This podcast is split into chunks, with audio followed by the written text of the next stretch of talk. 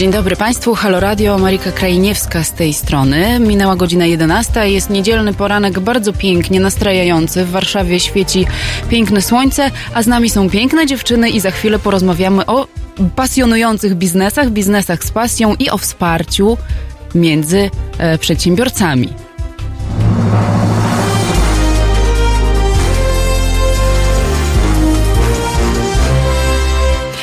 Proszę Państwa, z nami są, wyliczam od mojej prawej, prawej, prawej, Emilia Bartosiewicz-Brożyna, założycielka e, Lady Business Club.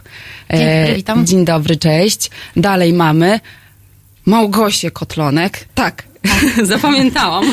Właścicielkę e, marki Goshiko. Tak jest. tak jest, tak. I Agnieszkę Gniotek, która jest z kolei właścicielką sztuki e, Ksanadu. Galeria Sztuki Galeria. Ksanadu. Dzień Mhm. Dzień dobry, więc mamy tutaj e, jedną dziewczynę, która jakby spaja, bo Tak, Lady Business tak Club to jest takie przedsięwzięcie, które e, w jakiś sposób, no za chwilę opowiesz w jaki sposób, ale e, pomaga e, przedsiębiorczyniom, Tak. e, dziewczynom, które e, chcą brać swoje pasje w swoje ręce i z nimi prą do przodu. Później mamy bizneswoman, która założyła swoją markę i mamy też działaczkę w sferze kultury. Absolutnie nie. Ja się zajmuję sprzedażą, biznes prowadzę. Ty. No dobra. Prowadzimy biznes z pasją. Yy, tak, To jeszcze trudniej. jeszcze trudniej. Chyba my, yy, tak też zaprosiłam Małgosię i Agnieszkę, żeby pokazać różne oblicza biznesu, Mhm. pasji. I tego, co robimy na co dzień, ale przede wszystkim właśnie tego biznesu, który może mieć różne oblicza, być w różnych obszarach, ale rzeczywiście skupiać się na, na, na biznesie, tak? Na, Mhm. na przedsiębiorczości. Dobra, to Emilia, najpierw ty, bo mnie od y, początku, a znamy się już kilka dobrych Tak, lat, fascynuje. Tak. Starałam się przypomnieć ile lat, ale, y, ale chyba z jakieś pięć na pewno tak, będzie już. Tak, Mhm. jeśli nie więcej. I y, zawsze mnie fascynuje w tobie taka chęć, która się nie kończy, y, wspierania Tak. kobiet, które no tak naprawdę, jak tak, taki przedsiębiorca stereotypowy, zwłaszcza wśród pań, przedsiębiorczyni stereotypowa, e, a walczymy ze stereotypami, mogłoby powiedzieć, o nie, to jest moja konkurencja, co ja robię. Ja chyba trochę tak pod prąd, bo ja zawsze wierzę, że em, nie ma konkurencji, jeśli e, naprawdę wierzymy w to, co robimy i, i wiemy, że robimy to e, rzeczywiście tak, jak chcemy to robić. E, a ja jestem zwolennikiem, żeby współpracować e, z innymi organizacjami, z innymi biznesami i zawsze szukam tej pozytywnej strony tego wsparcia, współpracy, niż skupiania się na tym, co nas może poróżnić, e, w czym ktoś jest lepszy, gorszy. Bardziej szukam właśnie tej, tej no, nie wiem, może dlatego, że zawsze patrzę optymistycznie, pozytywnie i szukam tego, co jest dobre i to, to na tym, na tym czymś dobrym staram się właśnie współpracować i zapraszać, e, łączyć kobiety, które, które mają własny biznes. No właśnie, po co łączyć?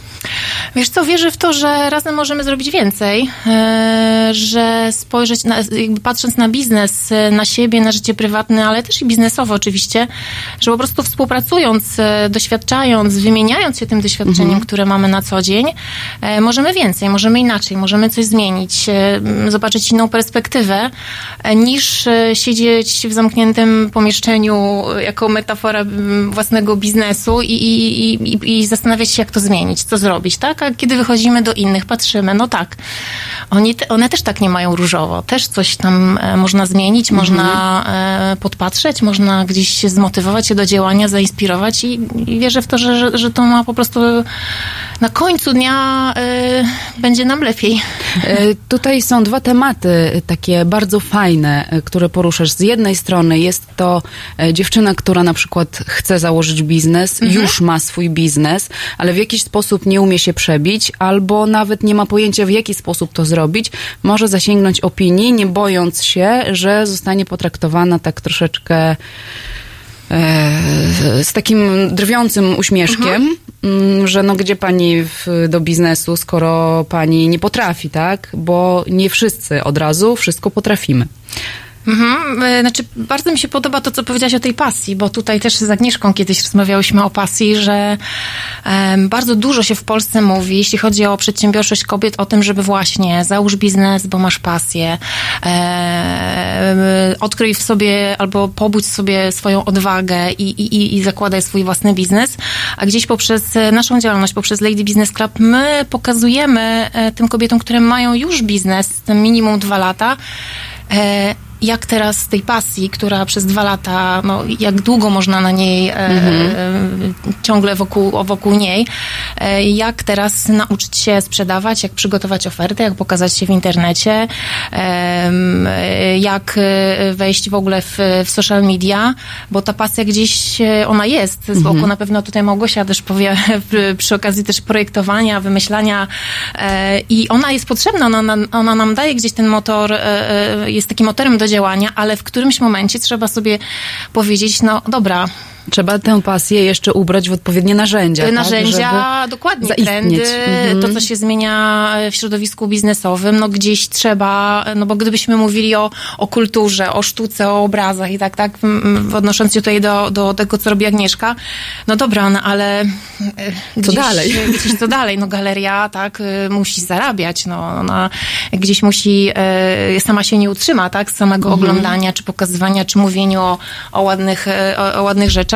No gdzieś poprzez tą działalność, to wspieranie mm, e, chcemy pokazać, jak ten biznes można zmienić, jak można zbudować zespół, jak można znaleźć właśnie tych własnych, e, takich naszych sojuszników, ale też ambasadorów naszej marki, żeby mówili o nas e, i no, jakby nie, nie skupiać się tylko na tej pasji, tylko szukać rozwiązań, narzędzi. Ostatnio trafiłam e, w Forbesie na artykuł dotyczący sponsoringu, Mhm. e, że jest e, w Stanach zupełnie inaczej postrzegany niż u nas. U nas kojarzy się wiadomo w jaki sposób, Tak. jeżeli ktoś szuka sponsora dla siebie. W Stanach jest to, e, chociaż już się też uczymy troszeczkę inaczej patrzeć na e, to zagadnienie, w Stanach sponsoring i mentoring są to dwie kluczowe kwestie, które pomagają e, zwłaszcza kobietom wejść na pułap wyżej, level wyżej, a nawet i kilka w swojej karierze zawodowej. Nie ma w tym nic zdrożnego, nic złego, nic dziwnego. Jest to sponsoring albo mentalny, mm, albo e, no, tak zwany po znajomości. U nas można powiedzieć.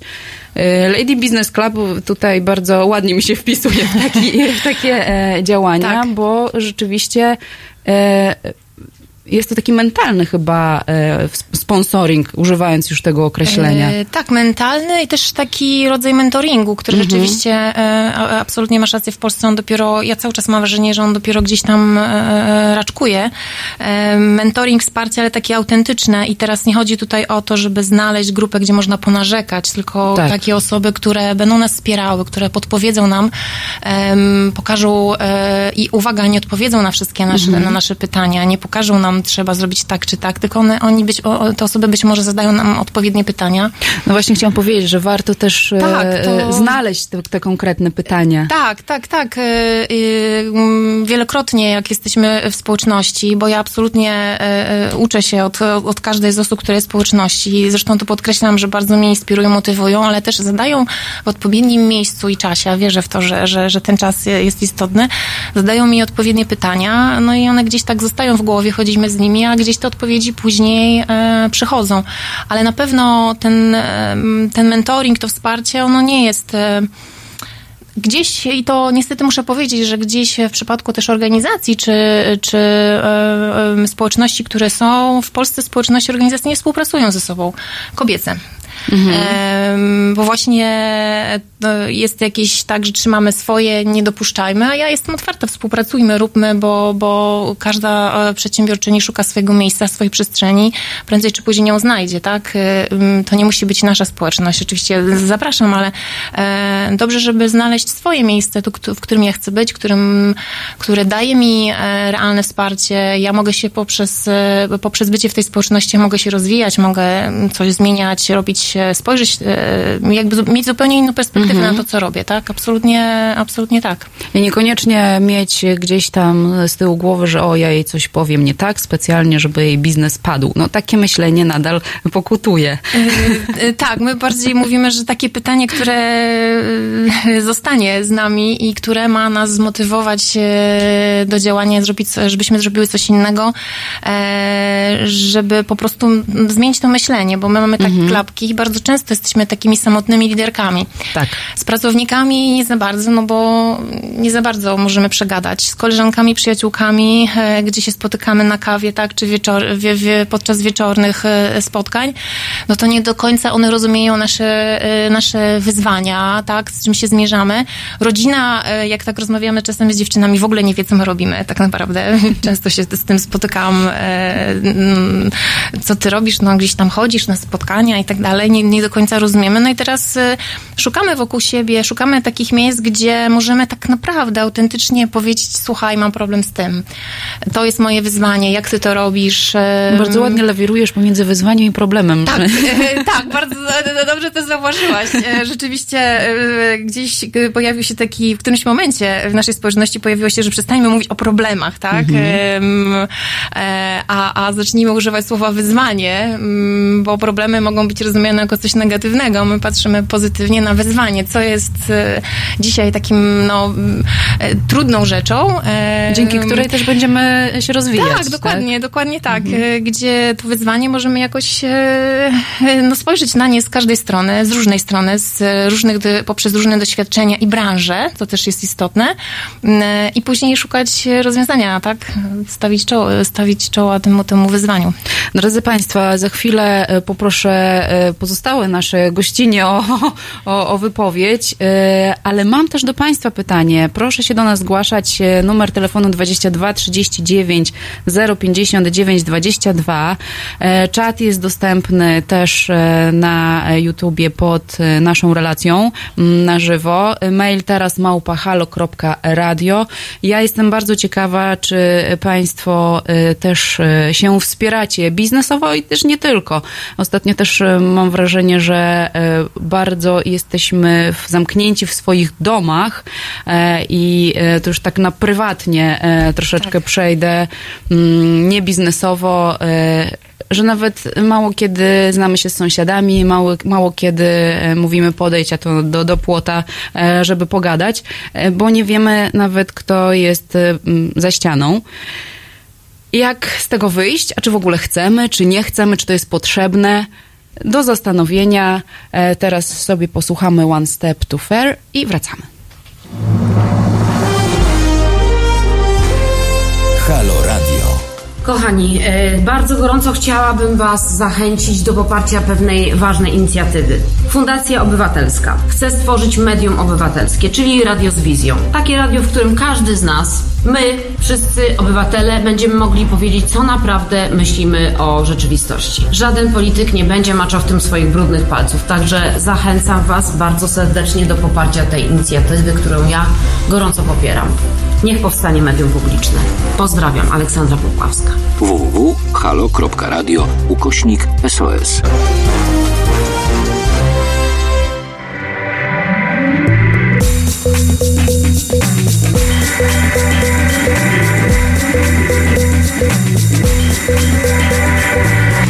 You can sleep forever,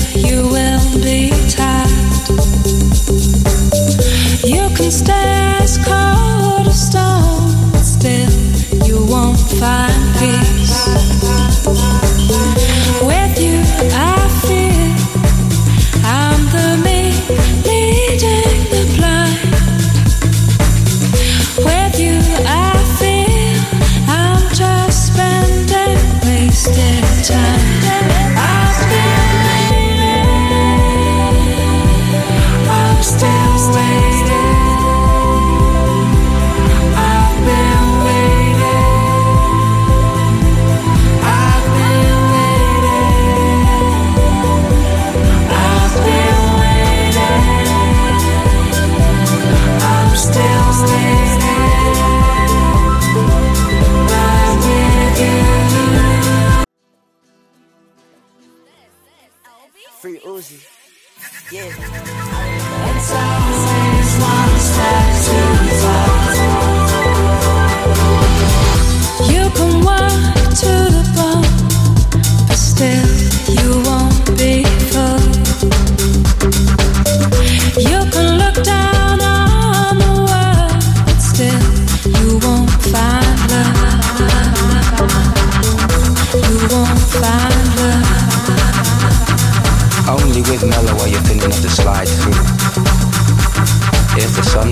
should give way to doubt, they would immediately go out one. Swallow don't make a summer, but tomorrow has to start somewhere. Only with mellow are you feeling the slide through. Don't let nothing ride you one. Swallow don't make a summer. I've been waiting. I'm still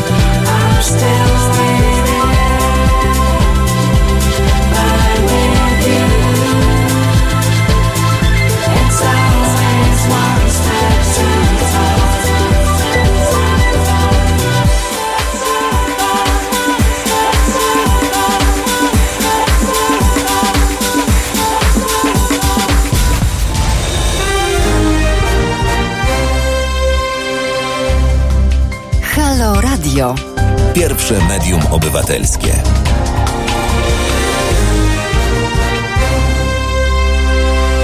Halo Radio, rozmawiamy dzisiaj o kobiecych biznesach i o kobiecym wsparciu w tym biznesie. Dziewczyny, teraz już Emilia już troszeczkę e, tutaj... Rozpoczęłam. Tak.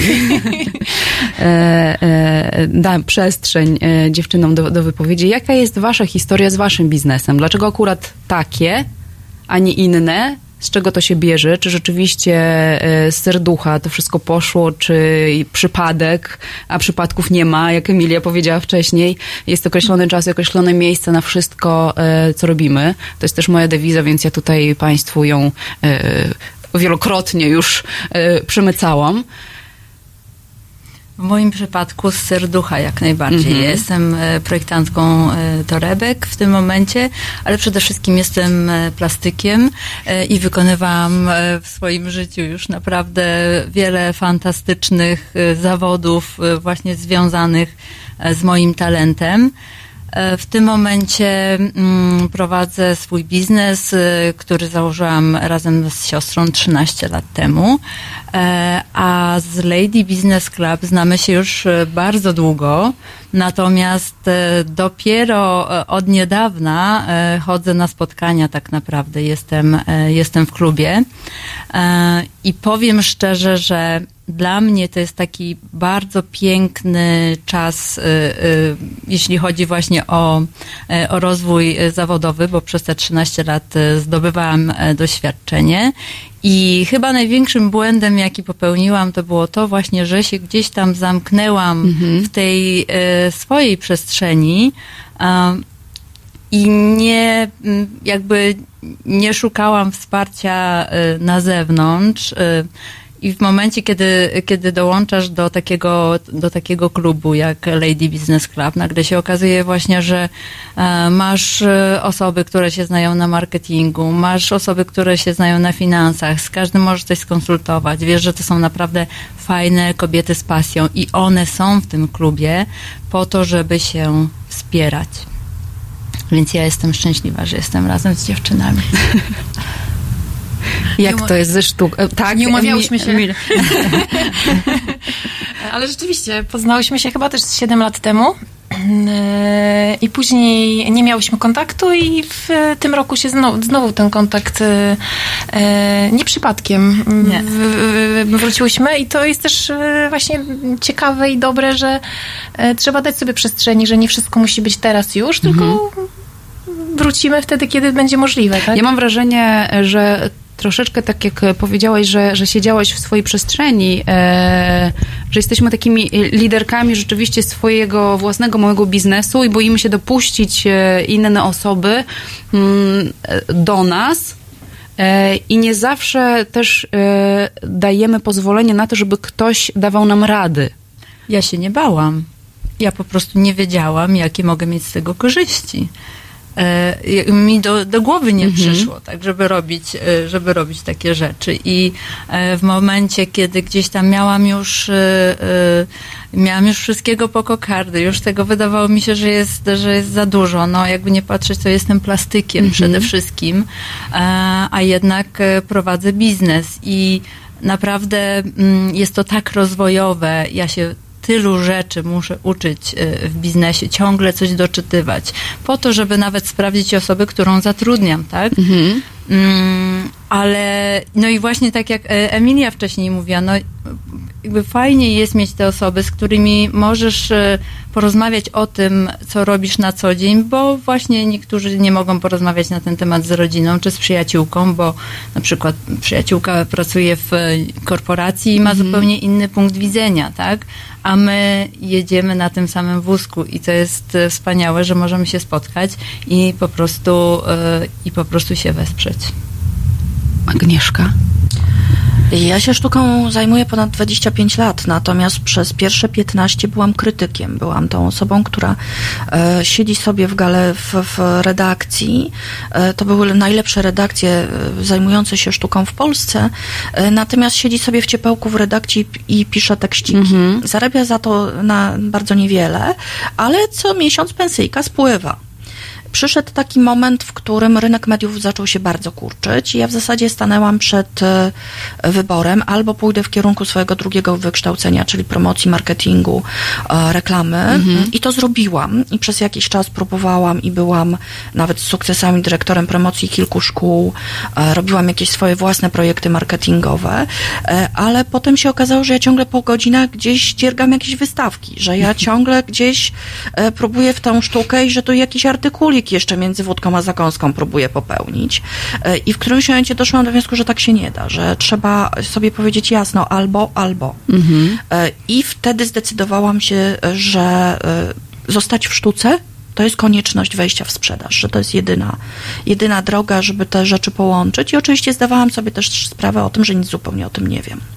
Ponieważ pisanie o sztuce, a rynek sztuki, obrót dziełami sztuki to są zupełnie dwie inne e, kompetencje i e, inne wymagania, inni ludzie, wszelkie zupełnie odmienne uwarunkowania.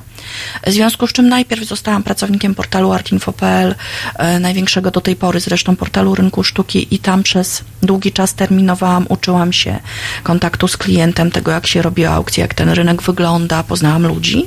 E, Potem przez pięć lat e, prowadziłam swoją działalność gospodarczą na zasadzie, w zasadzie rozliczania się z fiskusem, a byłam niezależnym ekspertem i prowadziłam robiłam aukcje jako niezależny e, kurator aukcji dla dużych domów aukcyjnych, między innymi dla Paul Swiss Art, E, a dopiero potem zdecydowałam się na otworzenie swojego domu aukcyjnego i galerii, który zajmuje się sztuką, w uproszczeniu mówiąc, artystów żyjących, czyli sztuką młodego pokolenia, średniego pokolenia e, i sztuką takich nestorów, którzy już mogą, mogę powiedzieć, że są to walory inwestycyjne.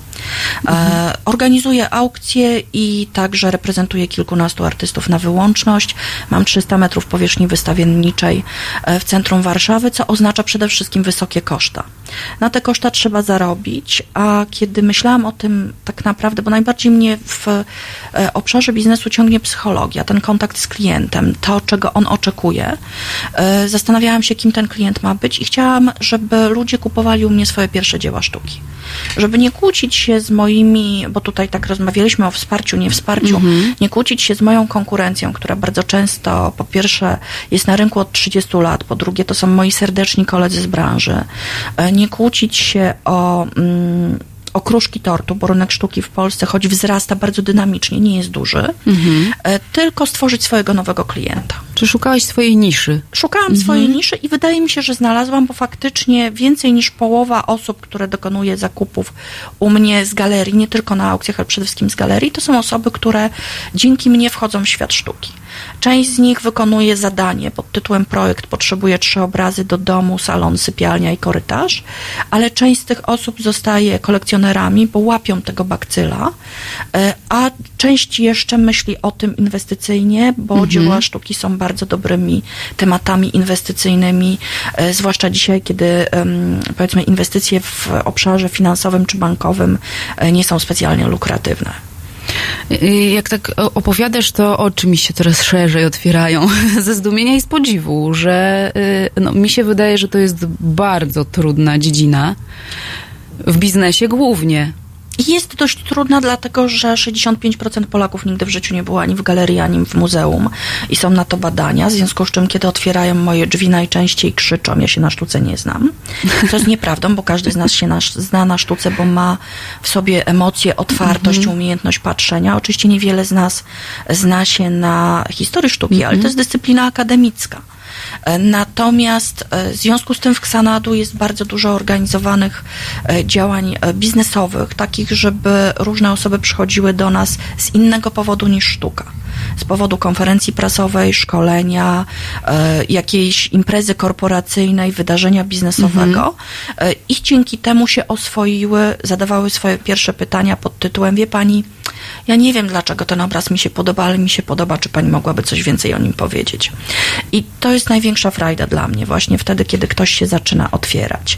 E, I mój związek z Lady Business Club właśnie polegał na tym. Przyszła Emilia i powiedziała, to jest, nie znałyśmy się, zobaczyła mnie na LinkedInie i powiedziała, to jest miejsce, w którym chcę robić spotkania klubu.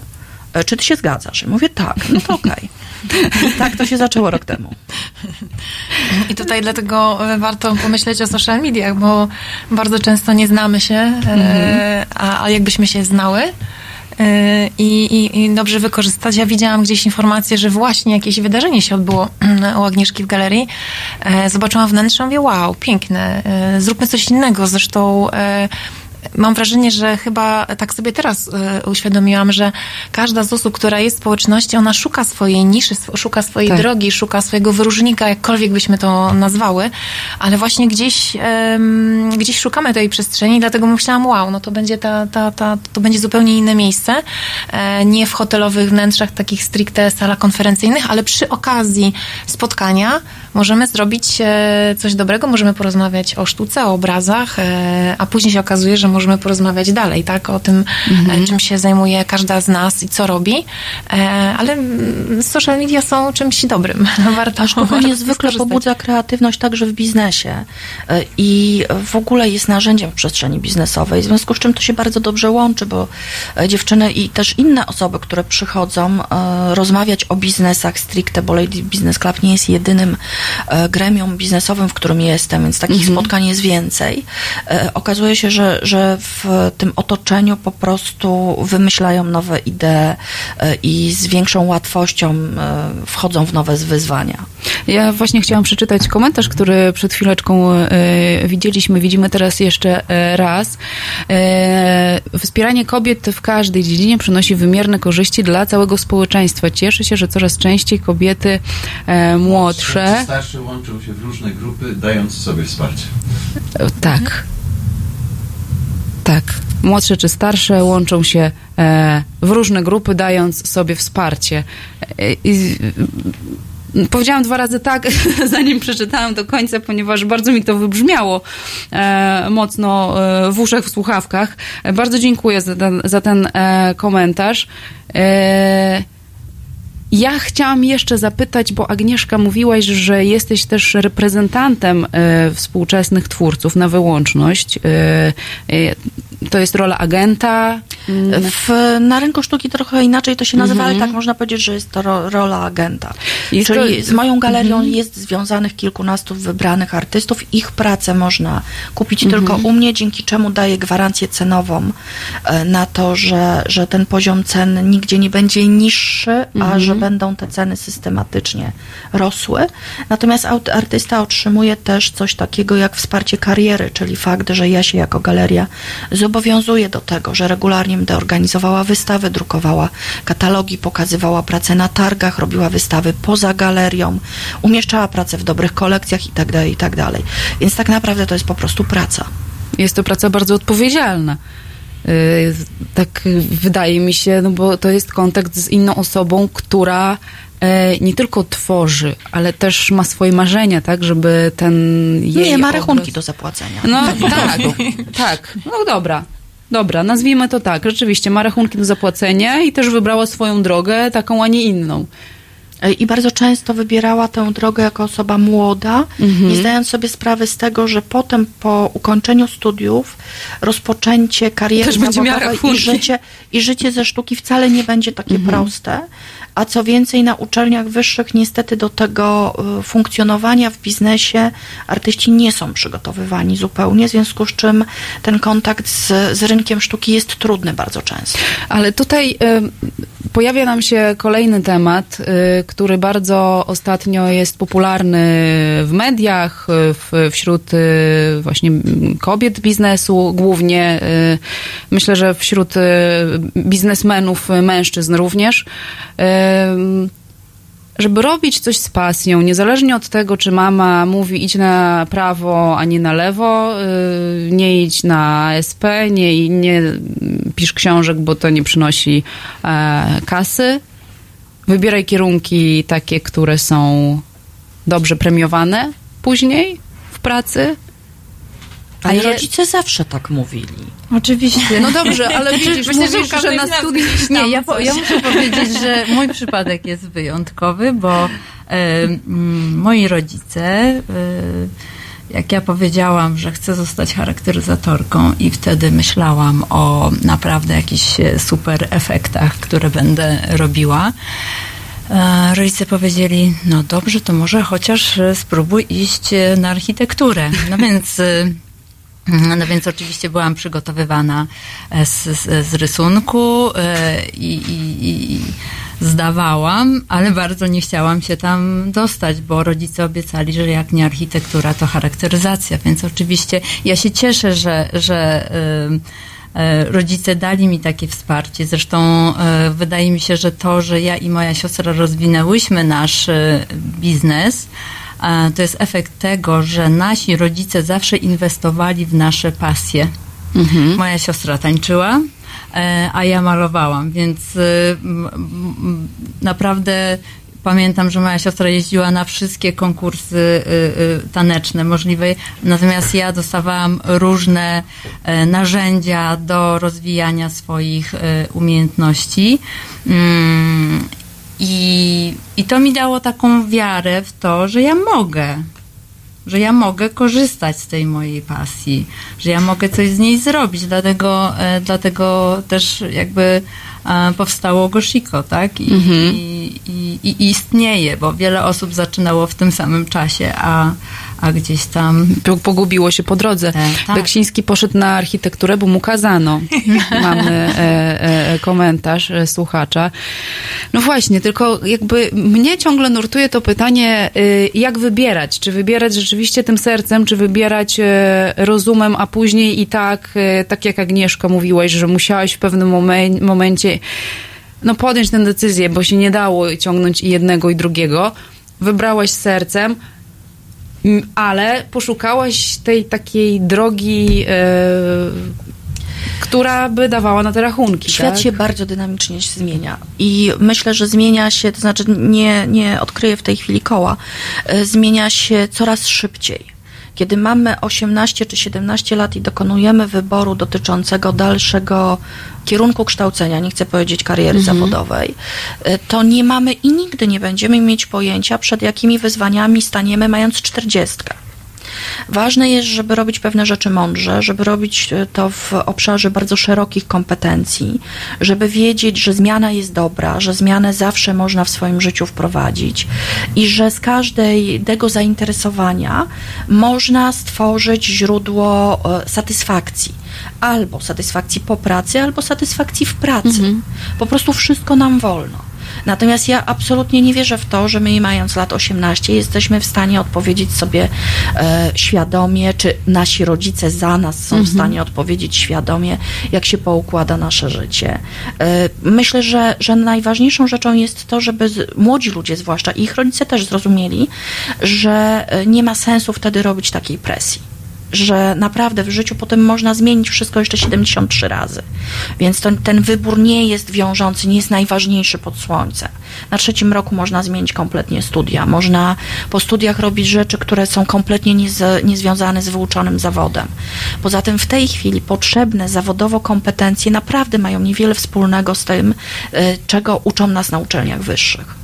Tak, to, to, to Tutaj właśnie prawda. chciałam jeszcze do nawiązać, bo Agnieszka powiedziała o zmianie. To jest chyba to, że e, w przypadku, odniosę się tutaj do kobiet, bo audycja jest o kobietach, e, że często boimy się właśnie tej zmiany. Tak. E, co inni powiedzą, a co teraz e, będą mówić, ojej, ja już, że, co, że, mi, że, że jedna firma mi się nie udała, biznes mi się nie udał, to mi się nie udało, ojej, co to będzie.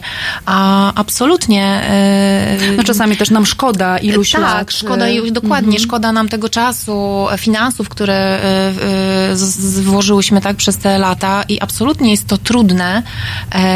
Z drugiej strony gdzieś zmiana w momencie samej zmiany jest trudna, ale na końcu, e, później z perspektywy czasu okazuje się, że no tak, ta zmiana była rzeczywiście konkretnie w tym czasie e, e, potrzebna i, i chyba to jest to, że my jako rodzice, tak, e, mm, dobrze by było mówić o tym naszym dzieciom, że możesz zmienić, jak ci się nie spodoba. Oczywiście to nie chodzi, że teraz co pięć minut będziemy zmieniać, ale gdzieś z jednej strony inspirować, motywować, e, żeby spróbować e, wielu rzeczy, ale z drugiej strony dać sobie prawo e, do takiej odwagi dokonywania zmian, bo to jest, to jest ważne.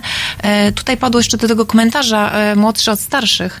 E, Ja mogę powiedzieć tylko z perspektywy naszej społeczności, dlaczego starsze bizneswomen, te, które mają biznes ponad 20 lat, co one widzą w tych młodszych. One widzą energię i power i ten entuzjazm niesamowity, które mają początkujące przedsiębiorczynie. Z drugiej strony te młode osoby e, pomyślą sobie, no tak, co ja mogę dowiedzieć od tej, która już tyle wie, tyle doświadczyła, pewnie jakieś e, złe decyzje też podjęła i porażki, porażki też były, czego ja mogę się nauczyć, e, patrząc na nią, rozmawiając z nią. I to jest też e, rzeczywiście dobre, m, e, żeby nawzajem czegoś się od siebie uczyć i zobaczyć, czego możemy, e, co możemy od tej drugiej strony, e, co możemy od tej strony e, dowiedzieć się w kontekście też mentoringu, o którym powiedziałaś, tak? Proszę Państwa, teraz Oasis e, i wracamy za chwileczkę do naszej dyskusji.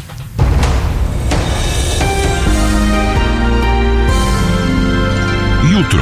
Od 21 do 23 telefony od państwa odbiera Jacek Zimnik. Rozmowa, dialog, zrozumienie i żadnej agresji. 21-23. www.halo.radio. Słuchaj na żywo, a potem z podcastów.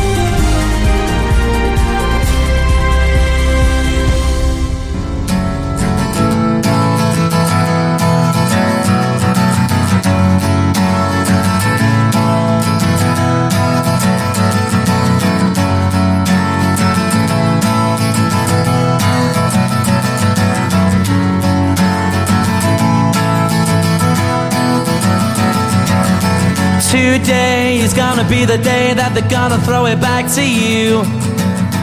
By now, you should have somehow realized what you gotta do. I don't believe that anybody feels the way I do about you now.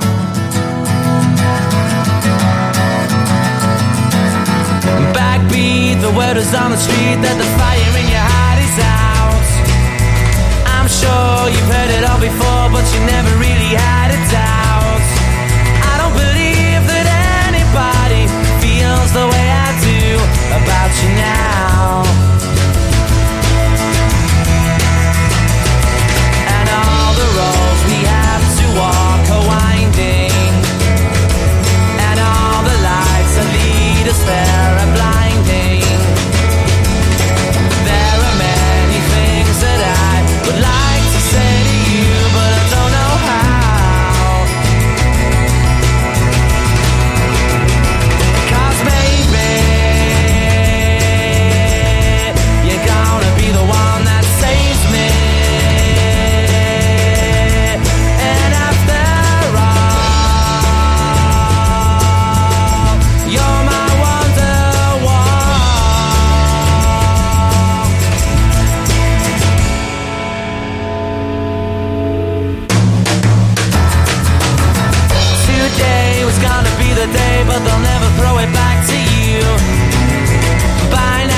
should have somehow realized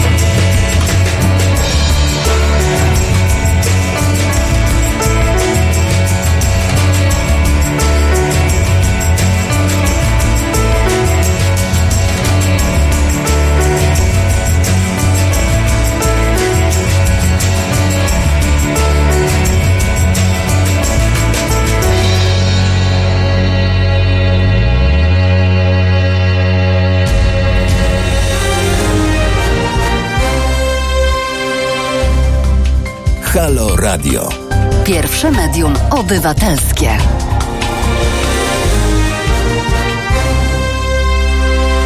E, Halo Radio, e, mamy kolejny komentarz od Tamary Klimkiewicz. Bardzo dziękujemy. Zmiany też mogą uzdrowić. Powodzenia. Powodzenia, dziękujemy serdecznie i pozdrawiamy bardzo mocno. A ja przypomnę też numer telefonu do nas 22 kierunkowy do Warszawy i do studia 39 059 22.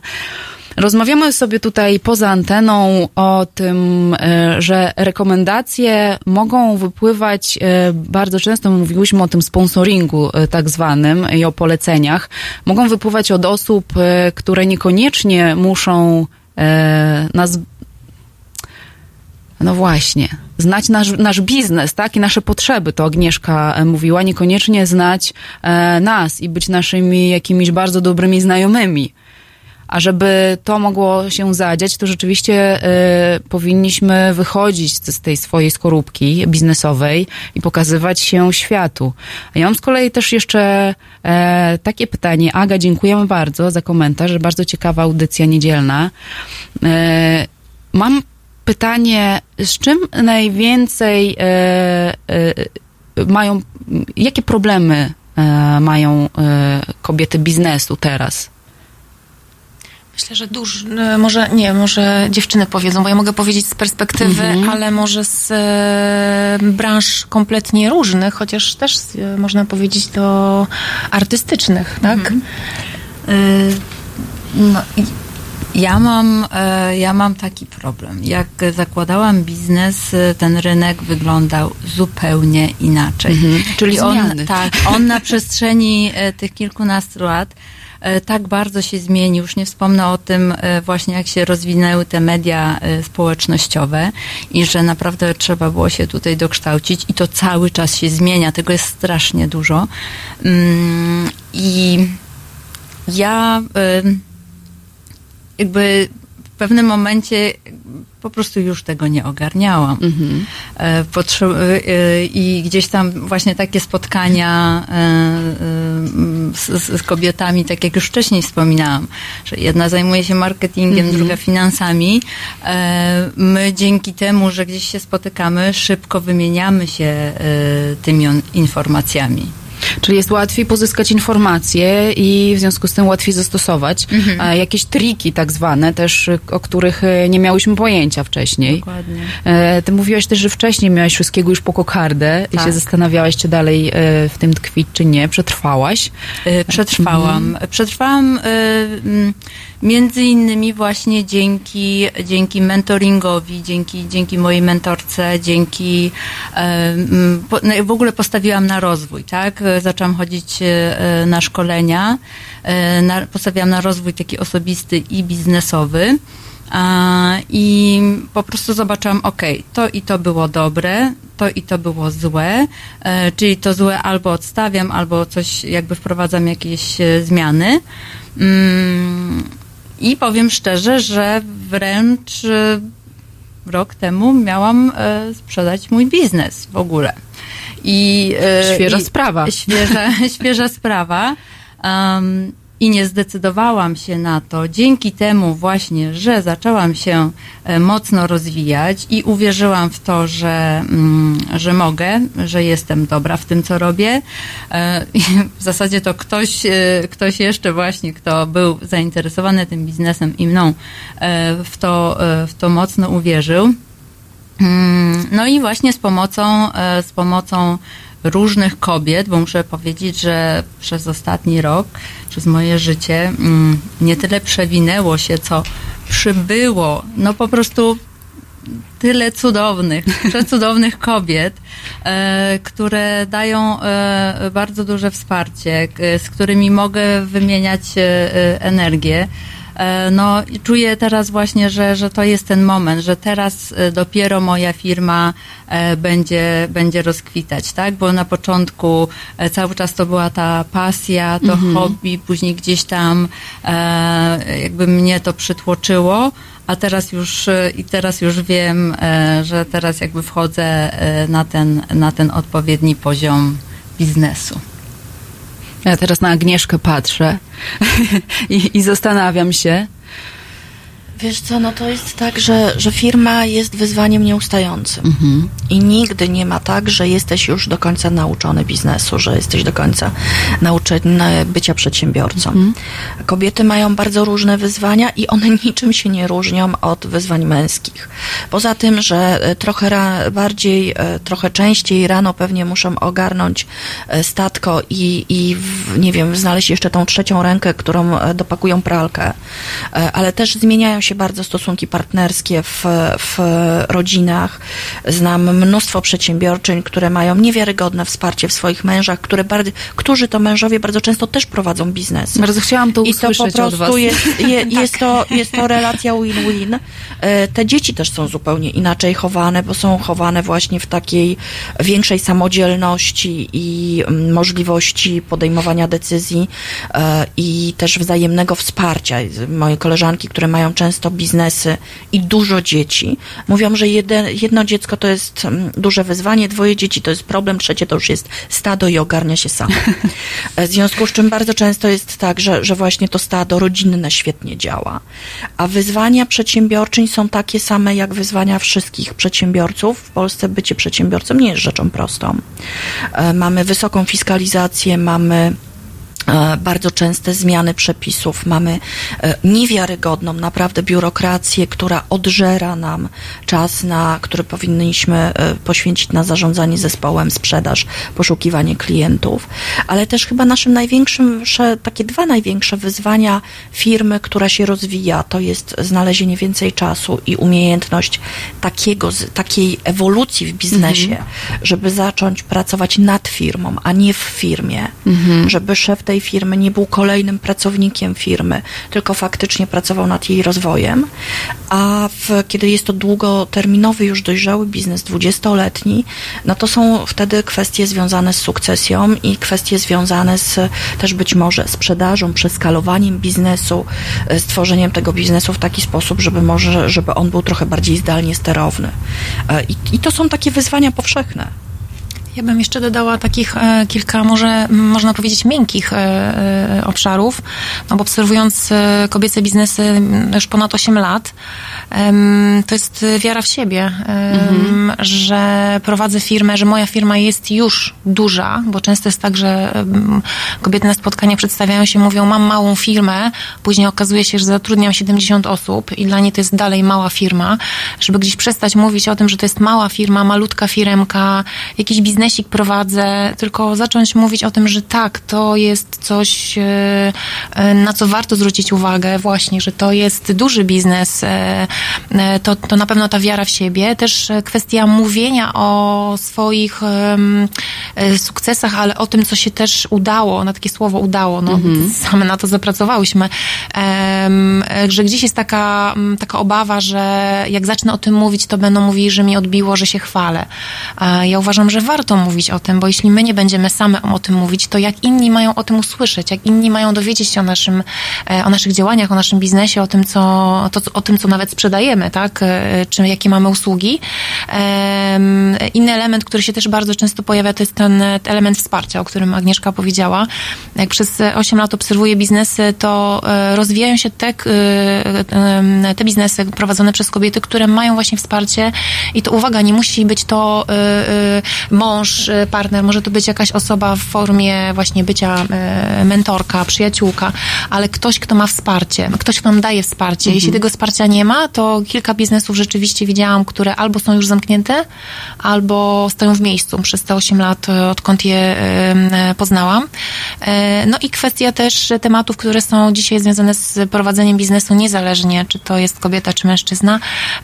Rotacja i rekrutacja pracowników, w ogóle budowanie zespołów. E, e, W przypadku kobiet bardzo często delegowanie zadań, bo nam się Tak. wydaje, że my same to zrobimy, same zrobimy to najlepiej. Jak my to zrobimy, to będzie perfekcyjne. E, Ja mogę powiedzieć o sobie, bo mm, 2019 to był czas, e, to, był mój rok, postanowi, takie postanowienie, żeby nauczyć się delegowania i, i to się udało, ale wtedy, kiedy jesteśmy gotowe na to, bo my możemy o tym mówić, że jesteśmy gotowe, potrzebujemy zespołu, będziemy delegować, ale jak nie jesteśmy gotowe, to się nic nie zadzieje. Bardzo długo mówimy o tym, e, to też jest na moim przykładzie e, i mm, bardzo często są, są też podejmowane próby, ale nieudane delegowania zajęć, ponieważ w trakcie okazuje się, że nie potrafimy tak naprawdę współpracować e, z innymi osobami, które mają zrobić coś, co zazwyczaj robiłyśmy my same. Prawda? To... Ja się tego nauczyłam. Chociaż nieustająco się uczę, Ja ale nie nauczyłam wiem. się społeczności. E, Bo to właśnie dziewczyny z klubu mi w zeszłym roku, po, w zeszłym roku, no półtora roku temu powiedziały, słuchaj, no nie może być tak, tak, tak. Mimo, że ja to czułam, ale to nie jest tak, że ja wstanę rano i od razu zmienię swoje myślenie. No nie, no. E, Gdzieś się do tego trzeba przygotować. E, A z drugiej strony mnie się wydawało, że nie znajdę takich osób, które będą chciały. E, Nie, nie będzie takiego zespołu pracowników, ludzi, którzy e, będą... Podążą twoją tak, misją, tak, tak, dokładnie. tak. A okazało się, że absolutnie nie, że właśnie e, i to przykład e, e, na jednym ze spotkań w listopadzie e, rozmawiałyśmy z Agnieszką, startujemy z nowym projektem em, i ja powiedziałam, no tak, e, super było, gdyby pojawiła się nowa osoba w zespole. Agnieszka mówi, że takie proste. Ja mówię, nie, no ale poczekaj. I, autentycznie dwa dni później napisała do mnie osoba na LinkedInie, e, że chce zaangażować się w nasze działania e, i e, już jest w zespole, oficjalnie będzie przed, przedstawiona w przyszłym tygodniu i e, rzeczywiście to jest możliwe, tylko trzeba się no, uwierzyć, że to... Że, że, I otworzyć się też Otworzyć na się, to. tak, bo możemy o Tak. tym dużo, dużo mówić. Pa, panie powinny teraz do polityki uderzać, by poprawić warunki do prowadzenia biznesów. Samo nic się nie poprawi. E, taki komentarz. Absol- się... absolutnie samo się nic nie zrobi. Tak, Ale samo- do polityki się nie wybieramy, bo my naprawdę coś robimy, a tam e, chyba jest tylko gadanie. E, Nie, my, my chyba... Znaczy nie, no dobrze, żeby też e, jakby w polityce były osoby, które mają jakieś doświadczenie właśnie w biznesie. I Dokładnie. To jest chyba ważne. I chęć rzeczywiście faktycznego działania. Dziewczyny, bardzo Ale wam Aga, ja bym dziękuję. ciebie tam widziała. Jakiś Ja na szczęście siebie nie. Nie, na przede wszystkim... Ja na e, pewno nie, ale, ale y, może w naszym klubie Ale znajdą się rzeczywiście, takie żeby, osoby, które... żeby działać, żeby nie tylko o tym mówić, że trzeba coś zmienić, że nam jest źle, że, że to jest takie, że, że to jest owakie, tylko rzeczywiście zacząć zmieniać. E, Zawsze powtarzam małymi kroczkami, chociaż jedną, dzień, e, jedną rzecz dziennie. No, mamy przed sobą następne 300 parę dni e, i zobaczmy, ile możemy dokonać zmian, tak? Tylko trzeba chociaż tą minimalną, jedną malutką. Ale zmieniamy, bo ten projekt, o którym Emilia zaczęła mówić, to jest szkoła, którą klub uruchamia już w tym roku. Od lutego będzie pierwszy semestr. E, pieszczotliwie nazywamy to MyBB, ale to jest skrót od e, Make Your Business Better. E, chodzi o to, żeby wsparcia w szkole dostawały dziewczyny, które właśnie są w potrzebie w procesie zmiany i chcą wykonać ewolucję w swojej firmie i mierzą się z różnymi wyzwaniami. I myślę, że ten, ten e, projekt będzie dużym sukcesem klubu. Ja w to bardzo wierzę. Tak. Ja wam kibicuję. Przeczytam jeszcze komentarz E, Bry- Brygidy. Brygidy E, widziałam. Dzień dobry dziewczyny. Słucham z wielkim Brygida. zainteresowaniem. Jak zawsze Lady Business Club the best.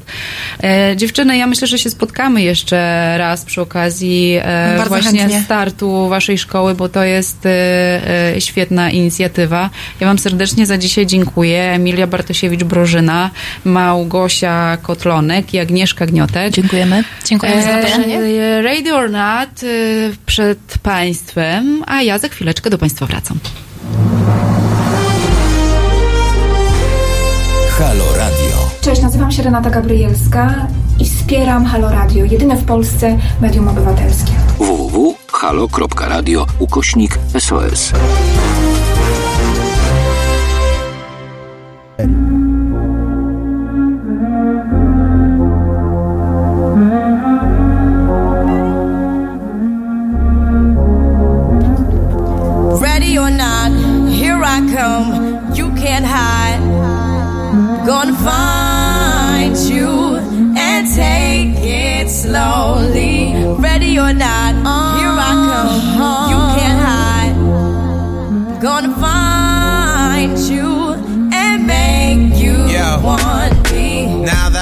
escape, sleep, walk awake. Yeah. Those who correlate know the world ain't kick. Jail bars ain't golden gates. Those who fake, they break. When they meet their 400 pound mate, if I could rule the world, everyone would have a gun in the ghetto, of course, when get the up and on their horse. Kick around drinking moonshine. I pour a sip on the concrete for the deceased, but no, don't weep. Why Clef's in a state of sleep, thinking about the robbery that I did last week. Money in the bag, banker look like a drag. I wanna play with pelicans from here to Baghdad. Gun blast, think fast, I think I'm hit. My girl pinched my hips to see if I still exist. I think not. I'll send a letter to my friends. A born again the hooligan, only to be king again. Ready or not, here I come. You can't hide. Gonna find you and take it slowly. Ready or not, here I come. You can't hide. Gonna find you and make Yo, you yo, want yo. me. Yo, I play my enemies like a game of chess where I rest. No stress if you don't smoke cess. Less, I must confess, my destinies manifest. In some cortex and sweats, I make tracks like I'm homeless.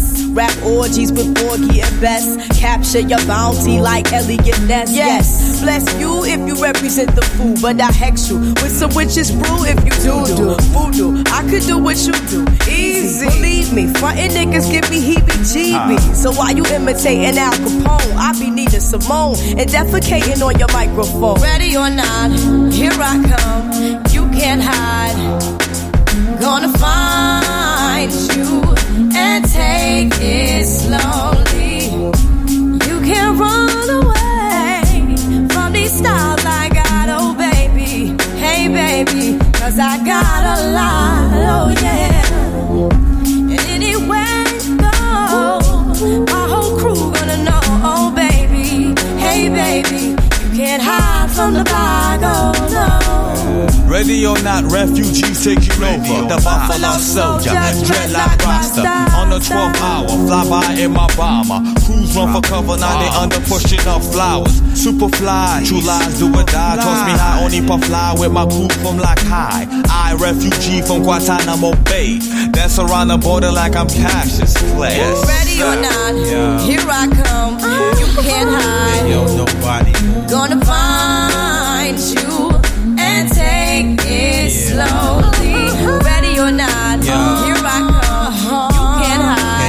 nobody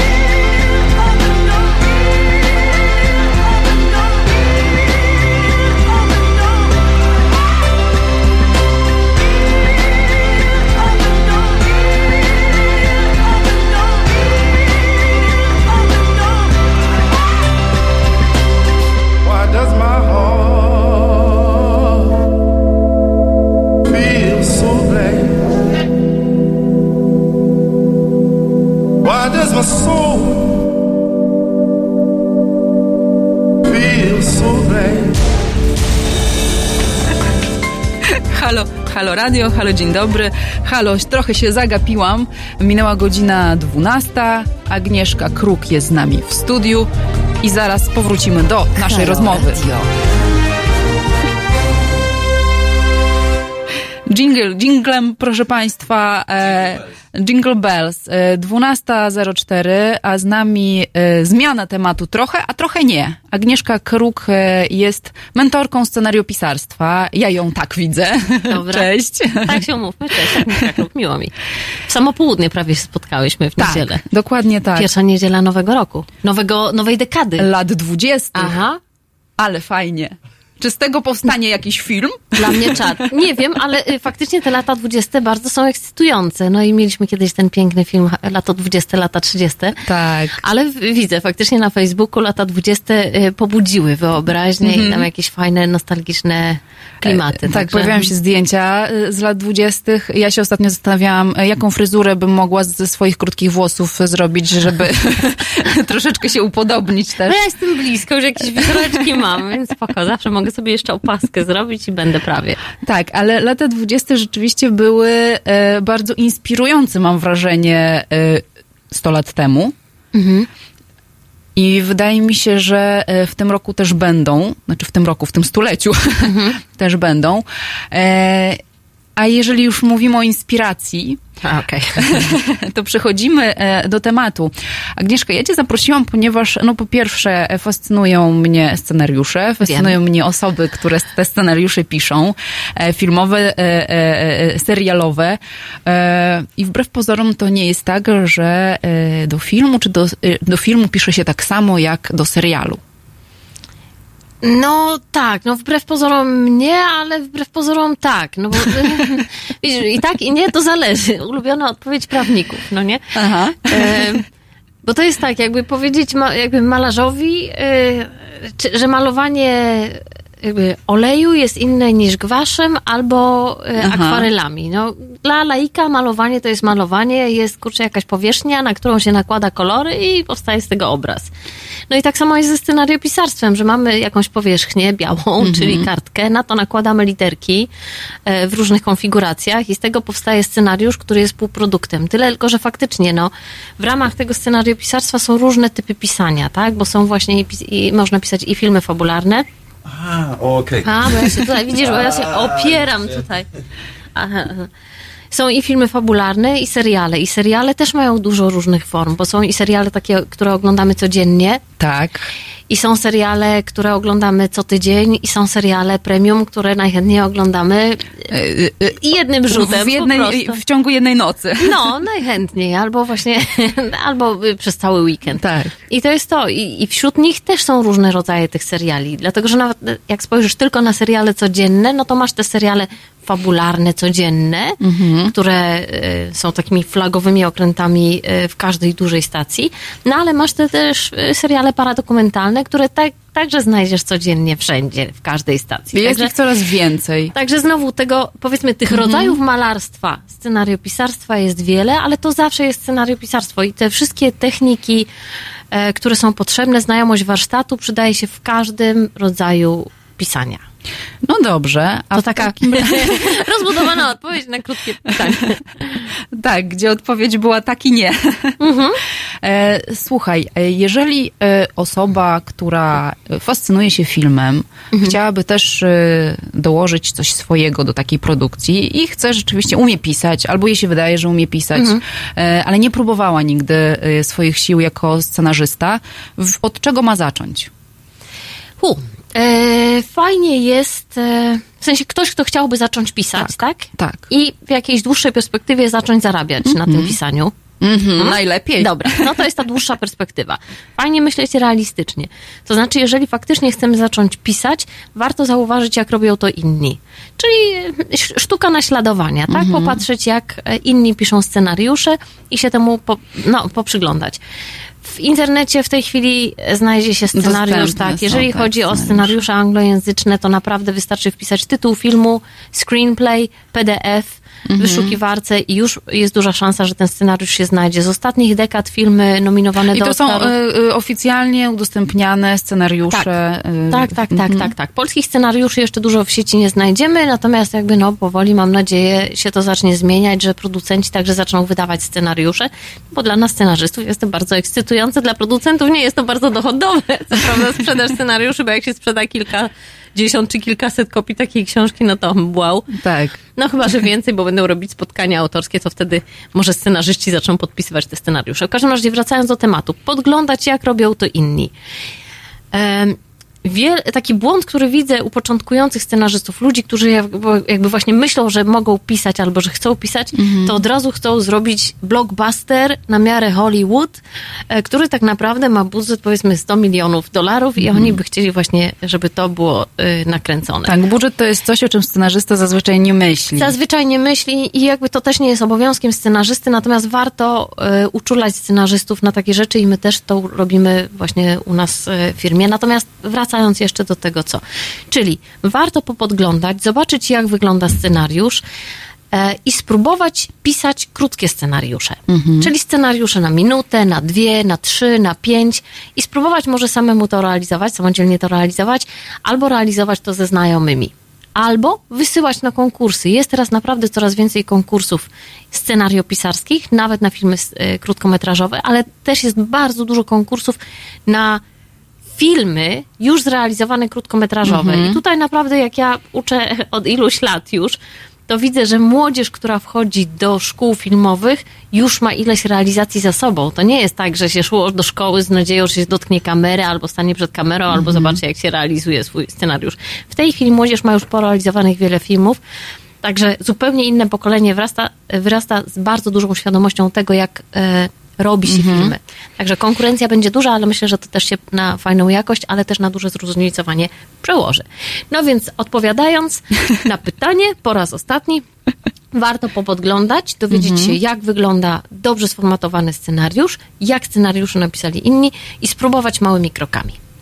Dobra, albo Samodzielnie, Pójść, tak, tak. samodzielnie, albo pójść e, na Albo się kształcić, na tak. kursy, albo do szkół. O, tak. No to jakby powiedzmy, zaczynając od tej małej Mhm. drogi, to tak właśnie samodzielnie sobie zrobić. No a jakby powiedzmy, zaczyna drugie ekstremum, czyli podam mój przykład, tak? Ja zaczęłam pisać scenariusze bardzo dawno temu.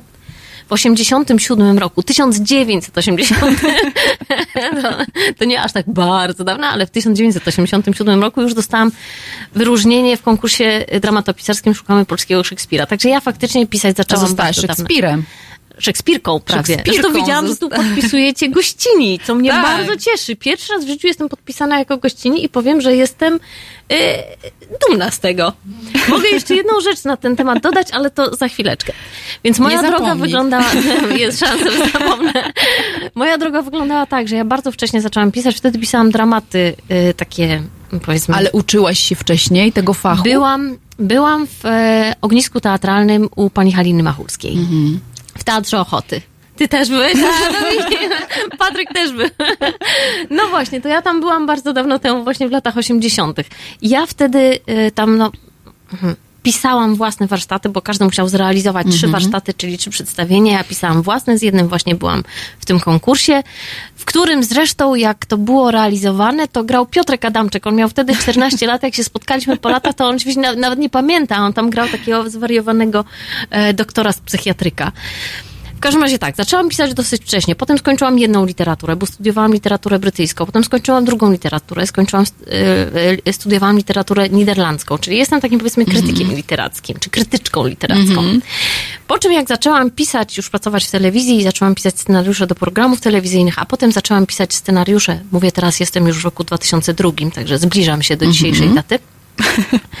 Zaczęłam pisać scenariusze do seriali fabularnych, wtedy powstawało na wspólnej. I jak zaczęłam pisać te scenariusze, to zaczęłam wygryzać się w teorię scenariopisarstwa. Nie dość, że praktykowałam, bo pisałam na bieżąco i widziałam na ekranie to, co jest zrealizowane na podstawie scenariuszy, Zwłaszcza, że łatwiej jest obserwować rzeczywiście w takim codziennym serialu. Tak, bo masz od razu szybką realizację, tak? I tych odcinków jest bardzo dużo. To nie jest tak, że piszesz jeden film i czekasz trzy lata, aż Tak. ktoś zrealizuje, a potem premiera i patrzysz, kto co zepsuł, nie? Jakby tutaj to O zepsucie można na, na, na bieżąco poprawiać. W każdym razie to jest to, że jak zaczęłam pisać i widzieć to wszystko na ekranie, to też zaczęłam się kształcić jeszcze bardziej scenariopisarsko. Mhm. Czyli przeczytałam tony książek o scenariopisarstwie. Jedną z nich przełożyłaś też No na tak, polski. to później. To potem, tak. y, potem y, zaczęłam jeździć po różnych warsztatach scenariopisarskich. Mhm. Poszłam na scenariopisarstwo do Warszawskiej Szkoły Filmowej. To mi nie wystarczyło. Poszłam do, na, na scenariopisarstwo do Łódzkiej Szkoły Filmowej. Także bardzo, bardzo dużo się wgryzałam. No i właśnie te kilkadziesiąt lat później jestem tutaj i tą całą wiedzę, którą ugromadziłam i to doświadczenie staram się przekazywać w jak najbardziej skondensowanej formie tym lo- ludziom, którzy podobnie jak ja kiedyś mają ochotę pisać scenariusze. Mhm. Tyle tylko, że skracam im tę drogę. Dlatego, I robisz że... to w bardzo fajny sposób, bardzo skuteczny i taki przejrzysty, że rzeczywiście jak się słucha ciebie, to ma się wrażenie, że no, to tak się powinno właśnie robić, no tak.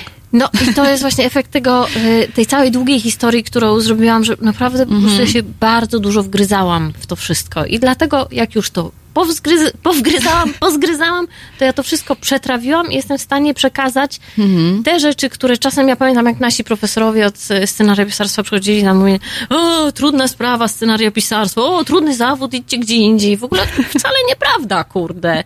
Fajny zawód, bardzo przyjemny, to nie jest trudne, jak się człowiek nauczy o co chodzi, tak jak z malarstwem. Gwasz robisz tak, akwarelki tak. Trzeba opanować technikę. A talentu oczywiście nikt nie da, bo talent się wnosi samodzielnie, tak?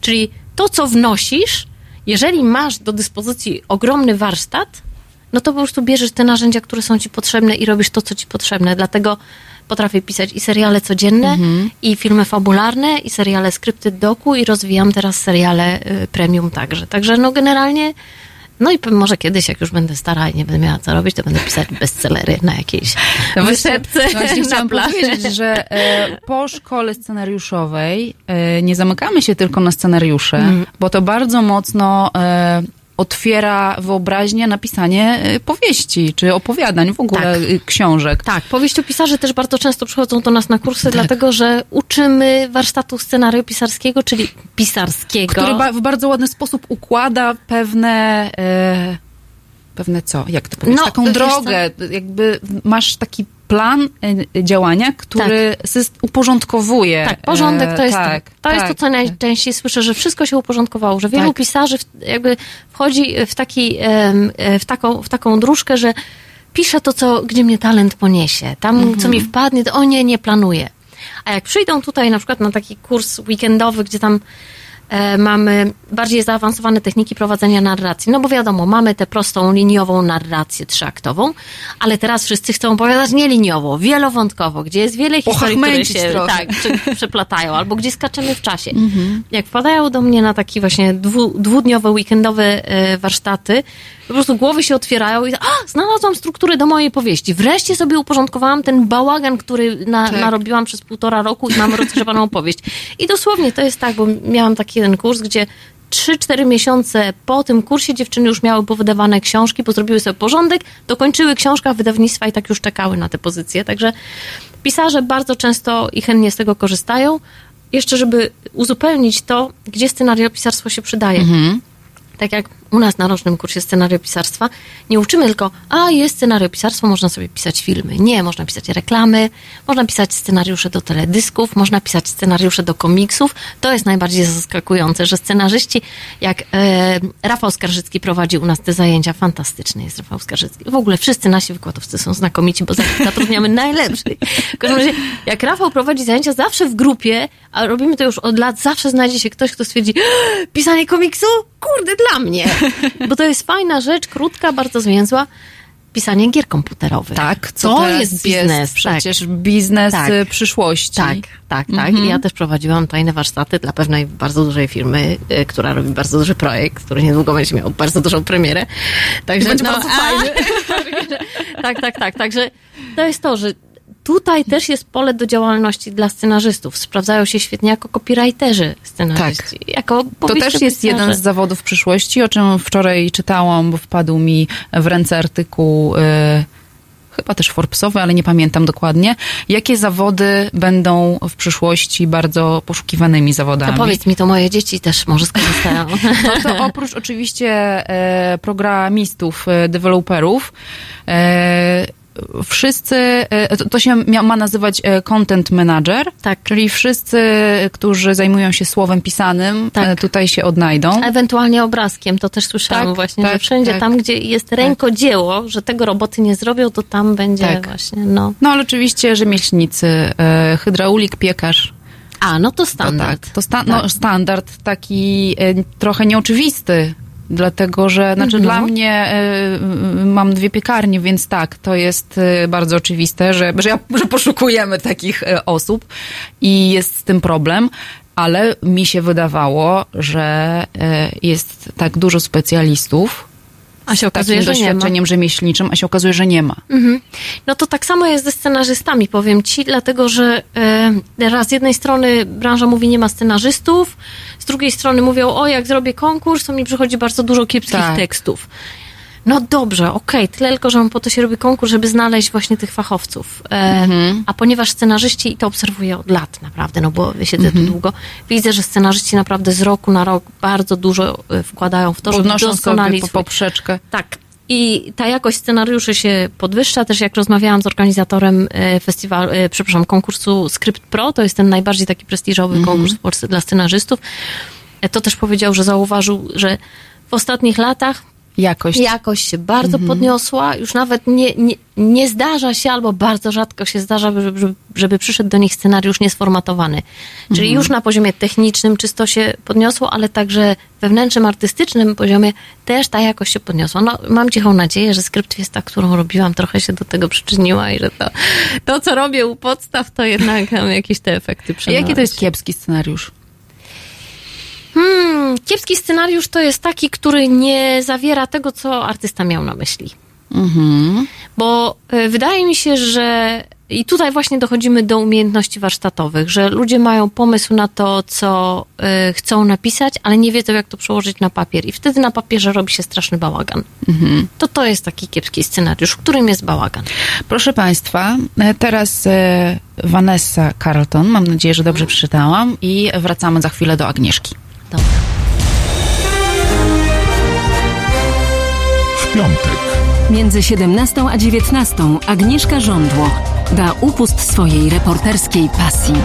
17-19. www.halo.radio. Słuchaj na żywo, a potem z podcastów.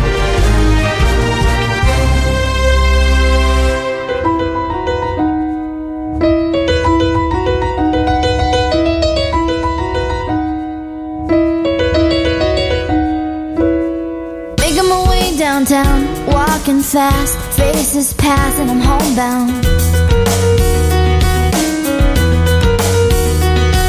Staring blankly ahead, just making my way, making my way through the crowd. And I need you, and I miss you, and now I could fall into the sky. Do you think time would pass me by? Cause you know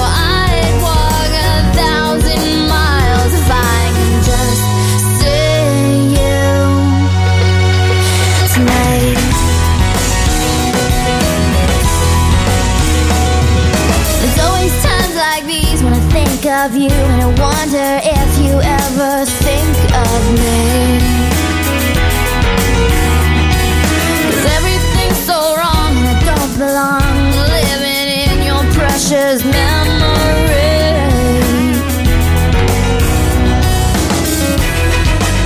Cause I need you and I miss you.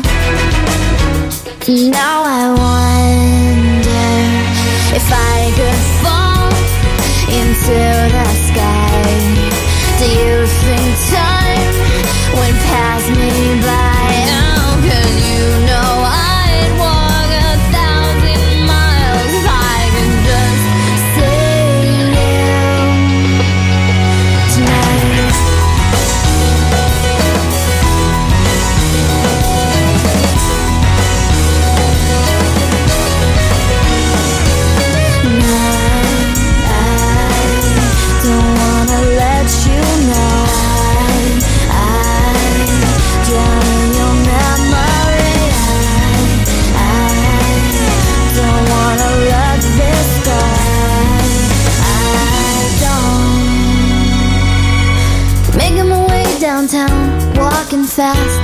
Faces pass, and I'm homebound.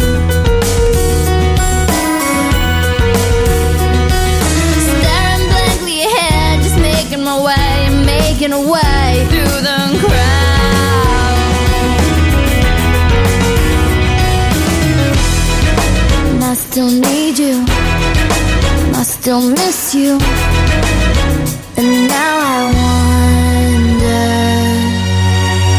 if I could fall into the sky.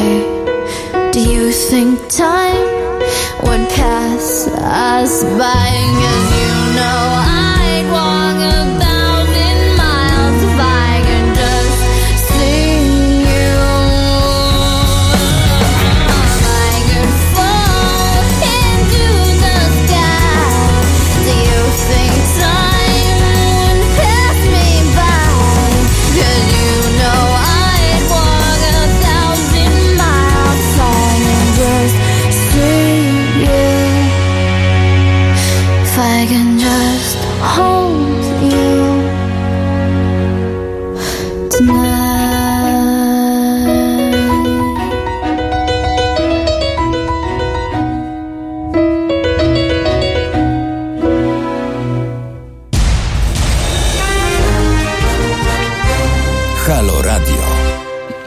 Halo Radio, proszę Państwa, już 12.25. My rozmawiamy z Agnieszką Kruk, która w Story Lab Pro prowadzi, między innymi tam, prowadzi warsztaty e, i szkolenie scenariopisarskie. Sama pisze scenariusze e, filmowe i serialowe i telewizyjne, to się nazywa tak fachowo.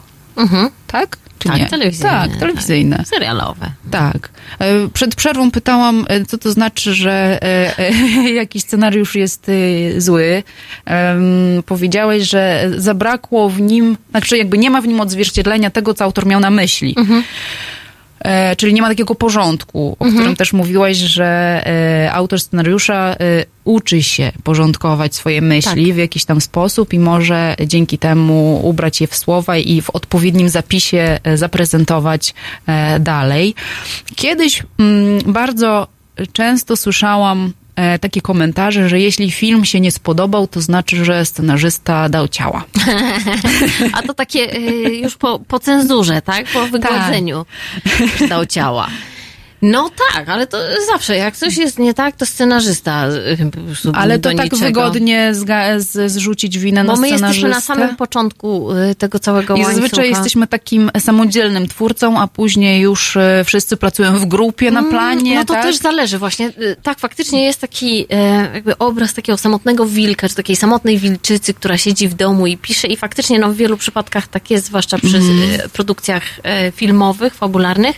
Natomiast jeżeli chodzi o produkcje serialowe, to tutaj zazwyczaj ta komunikacja pomiędzy różnymi e, pionami odbywa się dosyć wcześnie. Tak, Czyli tak. e, jeżeli ja rozwijam serial premium, to producent się do mnie zgłasza z, z jakąś informacją, z pomysłem. Mhm. Ja mówię, ok, sprawdzę, sprawdzam, mówię, o, podoba mi się, to wchodzimy i zaczynamy się spotykać z producentem już. Być może wchodzi jeszcze jakaś osoba jeszcze na etapie rozwoju Mhm. scenariusza.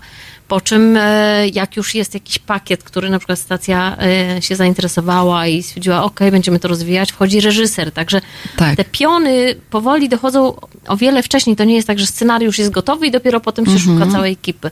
Dla mnie bardzo fajny jest taki model, gdzie więcej e, pionów, czyli produkcja, reżyseria, być może scenografia, być może Mhm. kompozycja, być może montażysta, być może operator, być może aktorzy, już są włączeni e, jeszcze przed rozpoczęciem, e, przed posłaniem scenariusza do Mhm. realizacji. Także jest to różnie i wracając do tego pytania, czy to jest tak, że scenarzysta zawinił, Często faktycznie mam wrażenie, że wiele scenariuszy, które e, trafiają na rynek są, są to scenariusze jeszcze niedopracowane i niegotowe do wejścia na rynek. Zresztą nie jest to tylko moja opinia, bo Artur Wyżykowski, który prowadzi e, bloga nieskończone.pl, czyli jakby w domyśle nieskończone teksty, które trafiają do kina, jakby zwraca uwagę na to, co w scenariuszach można byłoby jeszcze zrobić, zanim em, produkcja... Też to jest niezła szkoła dla takiego scenarzysty, który Dla chce... scenarzystów początkujących, tak, bardzo dobra lekcja. Zresztą e, Artur też u nas prowadzi zajęcia i prowadził takie analizy filmowe, prowadzi, chyba w lutym będzie miał takie warsztaty znowu dwudniowe chyba, właśnie z takich podstaw analizy filmowej, jak Mhm. sobie poprzeglądać. I znając e, takie mechanizmy, jakie działają w scenariuszu, łatwo je od razu za, e, zaaplikować do własnego pisania. Czyli znowu, wracając do pytania, czy scenarzysta zawinił? Często zdarza się tak, że faktycznie scenariusze nie są najlepsze. Jeżeli spojrzeć na filmy fabularne, tutaj jest inny grzech. To A znaczy, i to jest grzech, o którym ostatnio branża mówi coraz częściej i coraz głośniej wreszcie się o tym mówi, bo jakby to, że się mówiło szeptem, to było Mhm. zawsze, że scenarzyści sami sobie piszą scenariusze. Mhm. I to jest Co to. to znaczy sami sobie? To znaczy, że nie szukają scenarzystów, nie szukają Czyli tekstów. reżyserzy sami, sami Reżyser sobie. sam Mhm. pisze sobie tekst. Właśnie chciałam zapytać, czy... Z czego to wynika? No tak, właśnie, z czego to wynika? Z edukacji.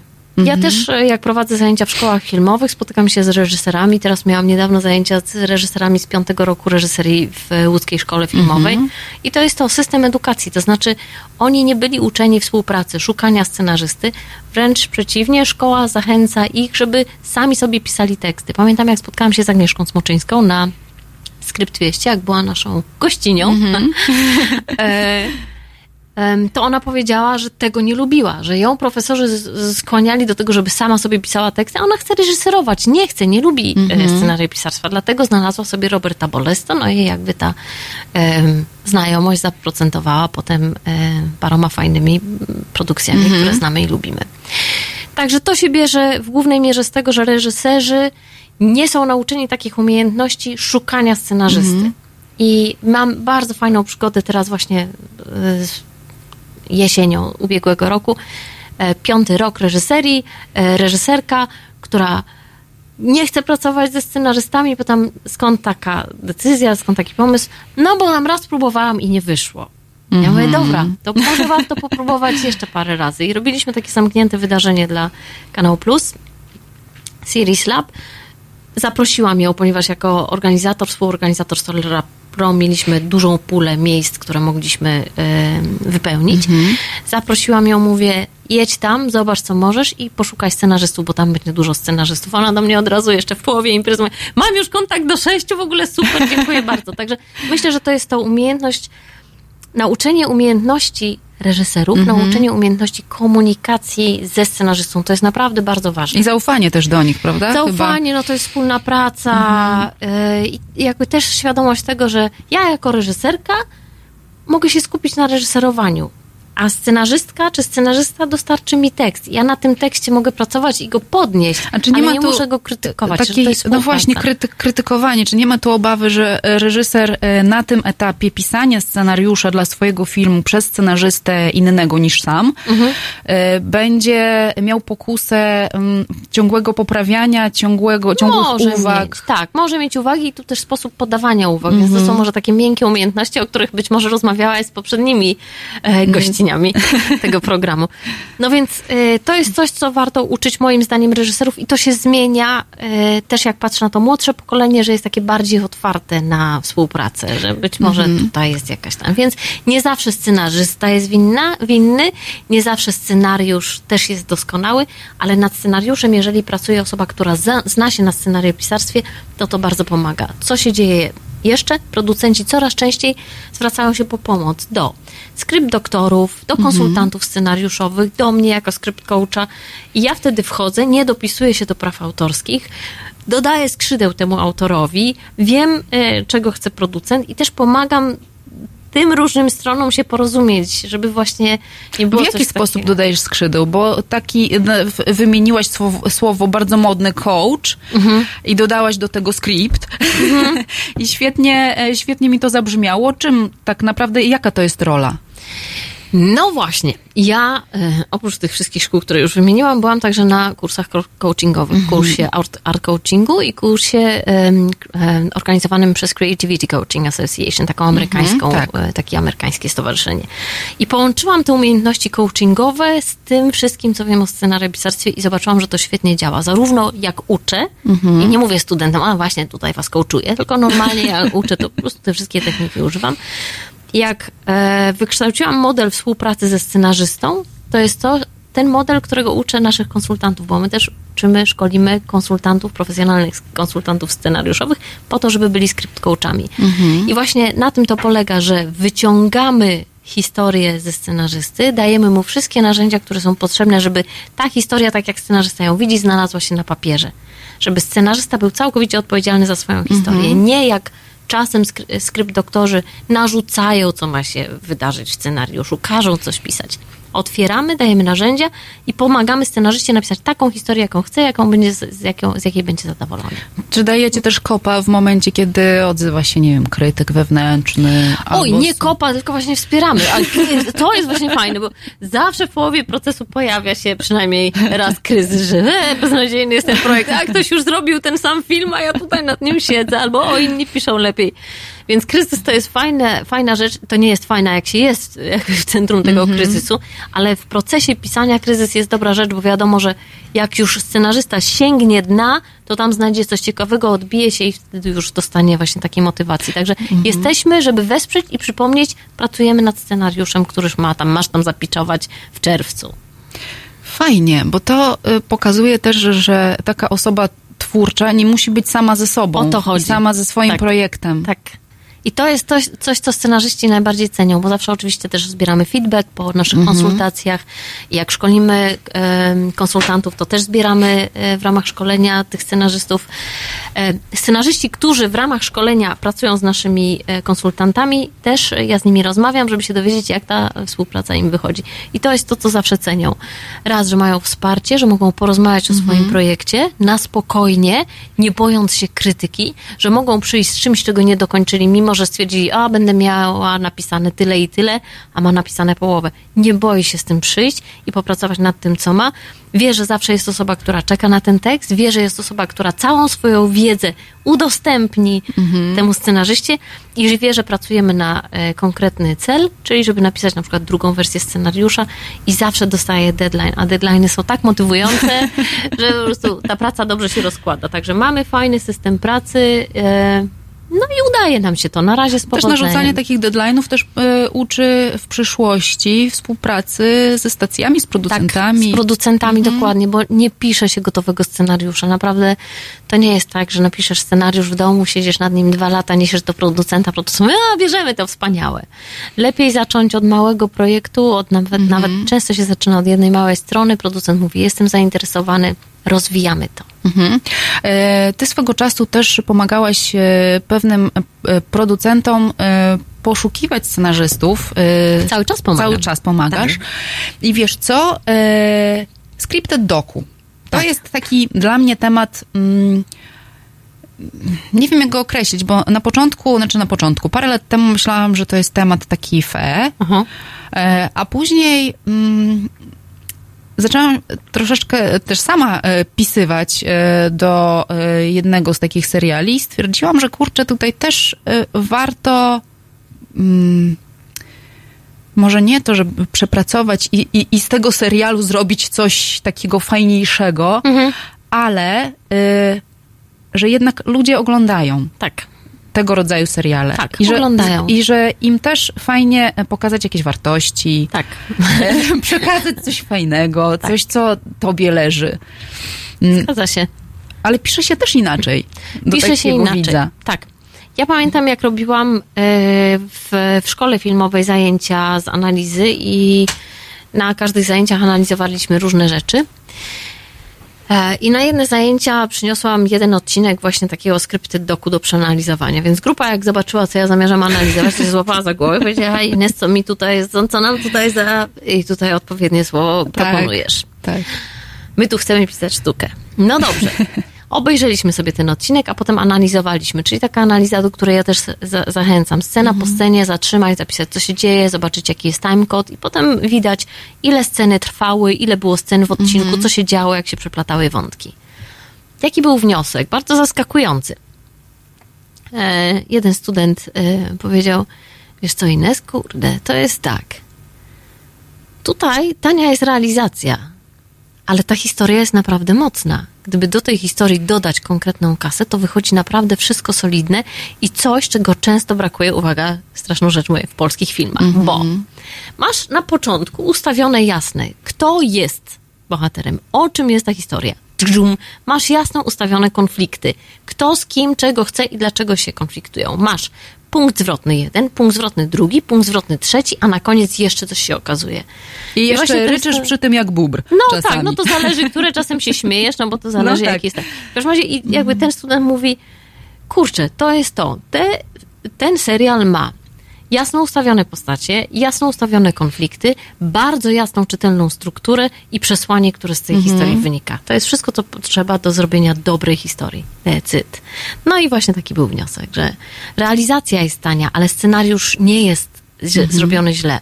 I jak pamiętam, jak skrypty doku weszło, no to faktycznie spotkało się z, taką, z takim odbiorem, co to jest. E, pamiętam, my wtedy pisaliśmy serial, który bardzo fajne miał wyniki e, na antenie. I przed nami wszedł skrypty doku, który tam najpierw miał 5% oglądalności, kolejnego dnia 7, no to tam, he, tam. Jak nas przerósł, to się zrobiło ups, no nie? I jakby jego wyniki były wyższe e, niż nasze wyniki serialu codziennego. I potem zaczęło się w Polsce coś takiego, że wszyscy chcieli robić takie skrypty Mhm. doku. Wielu producentów popełniło ten taki grzech zaniechania i stwierdzili, a jak to jest taka produkcja jakościowo niska, to ja się nie muszę zajmować scenariuszem. I potem widzieliśmy, jak te produkcje jedna za drugą padały. Bo okej, realizacja może być tania, ale jeżeli masz kiepską, słabą historię, to to nie niesie. A jak masz mocną historię, to nawet jak realizacyjnie zrobisz sobie film z telefonu, to ta historia poruszy. I o to chodzi. Czy y, w drugą stronę, teraz y, a propos scenarzysta, reżyser, y, jeżeli scenarzysta pozna tajniki pracy reżysera, chociaż trochę, to pomoże mu to w pisaniu Oj, scenariusza? Tak. Ja też chętnie zabieram scenarzystów na plan, żeby zobaczyli, jak to wygląda. Co więcej, e, już latem organizowaliśmy z Jarkiem Kupsiem, też znakomity specjalista, e, warsztaty z reżyserii dla scenarzystów. I teraz będziemy mieć Chyba chyba, też w marcu. mieli, chyba tak. w marcu tak będą. To musiałabym sprawdzić kalendarz. Patrz, nieprzygotowana przyszłam. E, Ale od, odsyłamy Państwa do tak, e, strony. www.storylab.pro i tam wszystkie informacje są. E, dlatego, że scenarzyści faktycznie mają ochotę reżyserować i to wcale nie jest takie trudne, więc tutaj takie Mhm. praktyczne zajęcia z Jarkiem naprawdę dużo dają. E, te zajęcia też interesują e, ludzi, którzy tam chcą zdawać na reżyserię, więc to jakby my to robimy dla scenarzystów, przychodzą też inni ludzie, którzy po prostu interesują się reżyserią. Odbiję jeszcze na chwileczkę do tych skrypty doku. W, ma- w marcu, dzięki Patryk! 14 marca. O, weekendowe zajęcia, dziękuję serdecznie. Więc zapraszamy do nas. E, wracając do skrypty doku, bo to jest jedna fajna rzecz, którą warto powiedzieć. Skrypty doku dla wielu scenarzystów początkujących jest najłatwiejszą bramką do wejścia do tego, żeby pisać zawodowo. W Mhm. sensie zawodowo pisać, widzieć, widzieć swoje scenariusze zrealizowane na ekranie, dostawać za to pieniądze i dostawać też za to tantiemy, bo za to także przychodzą tantiemy. Fajna sprawa. Fajna sprawa, tak, bo dostajesz jeszcze dodatkowe pieniądze Mhm. za to, że ten serial, ten odcinek był wyświetlony ponownie, a faktycznie odcinki są powtarzane. Także to jest najłatwiejsza bramka dla scenarzystów do wejścia i znam wielu scenarzystów, którzy piszą e, pod pseudonimem, bo nie chcą sobie psuć nazwiska. Mhm. Ja tam pod pseudonimem niczego nie piszę. Generalnie jak pisałam skrypty doku, też jest na filmie polskim, że pisałam skrypty doku. Nie boli. A to nie jest tak, że e, mimo wszystko e, budujesz swoje doświadczenie.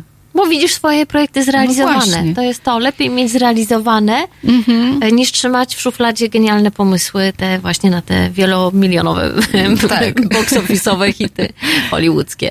E, Wiesz co, kiedyś powiedziałaś w wywiadzie, e, a ja akurat to potwierdzam, że tak było, bo też rozmawiałam z aktorami, a to było już kawał czasu temu, Aha.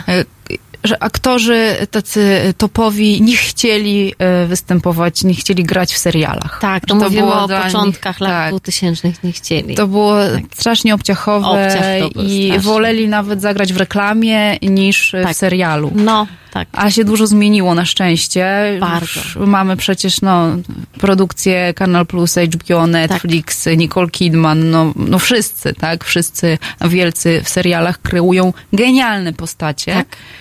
E, my się też uczymy. Mm, Ale też jak, wiesz co, jak to to się zadziało, że, że taka zmiana przyszła?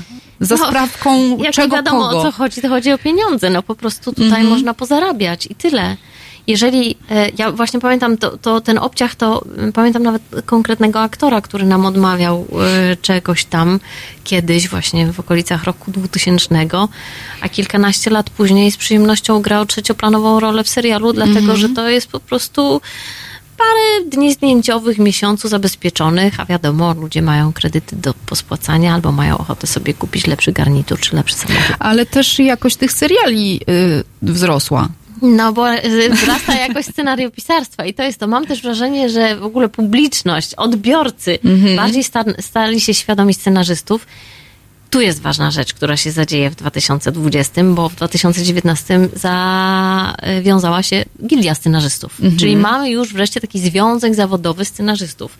Więc wszystkie sprawy formalne y, już tam się... mhm. I w 2020 roku teraz już będzie działała konkretnie. Także i już zaczęła y, pewne rzeczy regulować z ważnymi instytucjami, tak? Czyli scenarzyści już nie są pojedynczymi jakimiś atomami, tylko Mają swój związek zawodowy, jest tak związek zwany. zawodowy. Zresztą przewodniczącą, szefową y, tego jest Ilona Łebkowska. No to po prostu... y, A wszystko propos- wie, wszystko załatwi, nikogo się nie boi, potrafi Tak. zrobić wszystko, a, a, a no też pozycję ma bardzo silną na rynku. To a propos pozycji kobiet w tym świecie. Wygodna. E, tak, ale... No tutaj siedzi mi się wygodnie, tak, ale to ym, o scenariopisarstwie, Mhm, kobiety w scenariopisarstwie. tak. Uh, dobrze. No jest tak, y, jeżeli chodzi o seriale, bardzo dużo y, kobiet pisze seriale.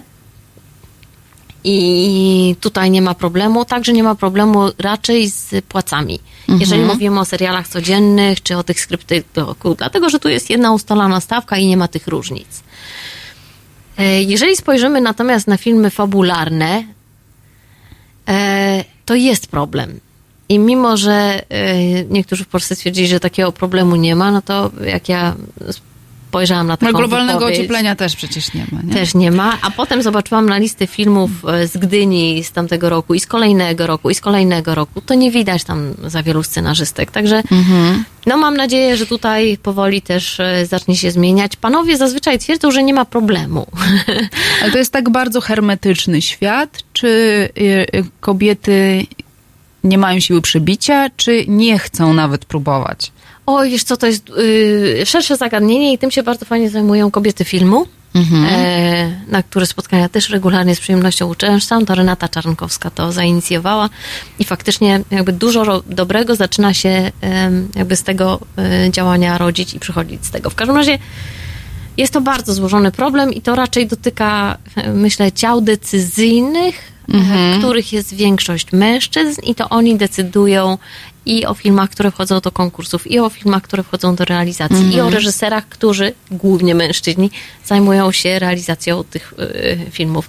I A reżyserzy często, sami. często piszą, jest w Polsce kilku reżyserów, którzy świetnie piszą dla siebie, tak? Dla mnie Maciej Pieprzyca to jest w Mhm. ogóle numer jeden.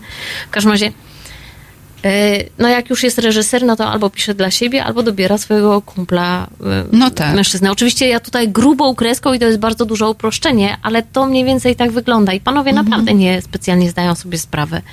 Jak ja też na jednym e, blogu pozwoliłam sobie tam dla żartu napisać, jak e, Maciej Słowiński prowadzi taki e, blog Przygody scenarzysty i prowadzi też stronę na Facebooku.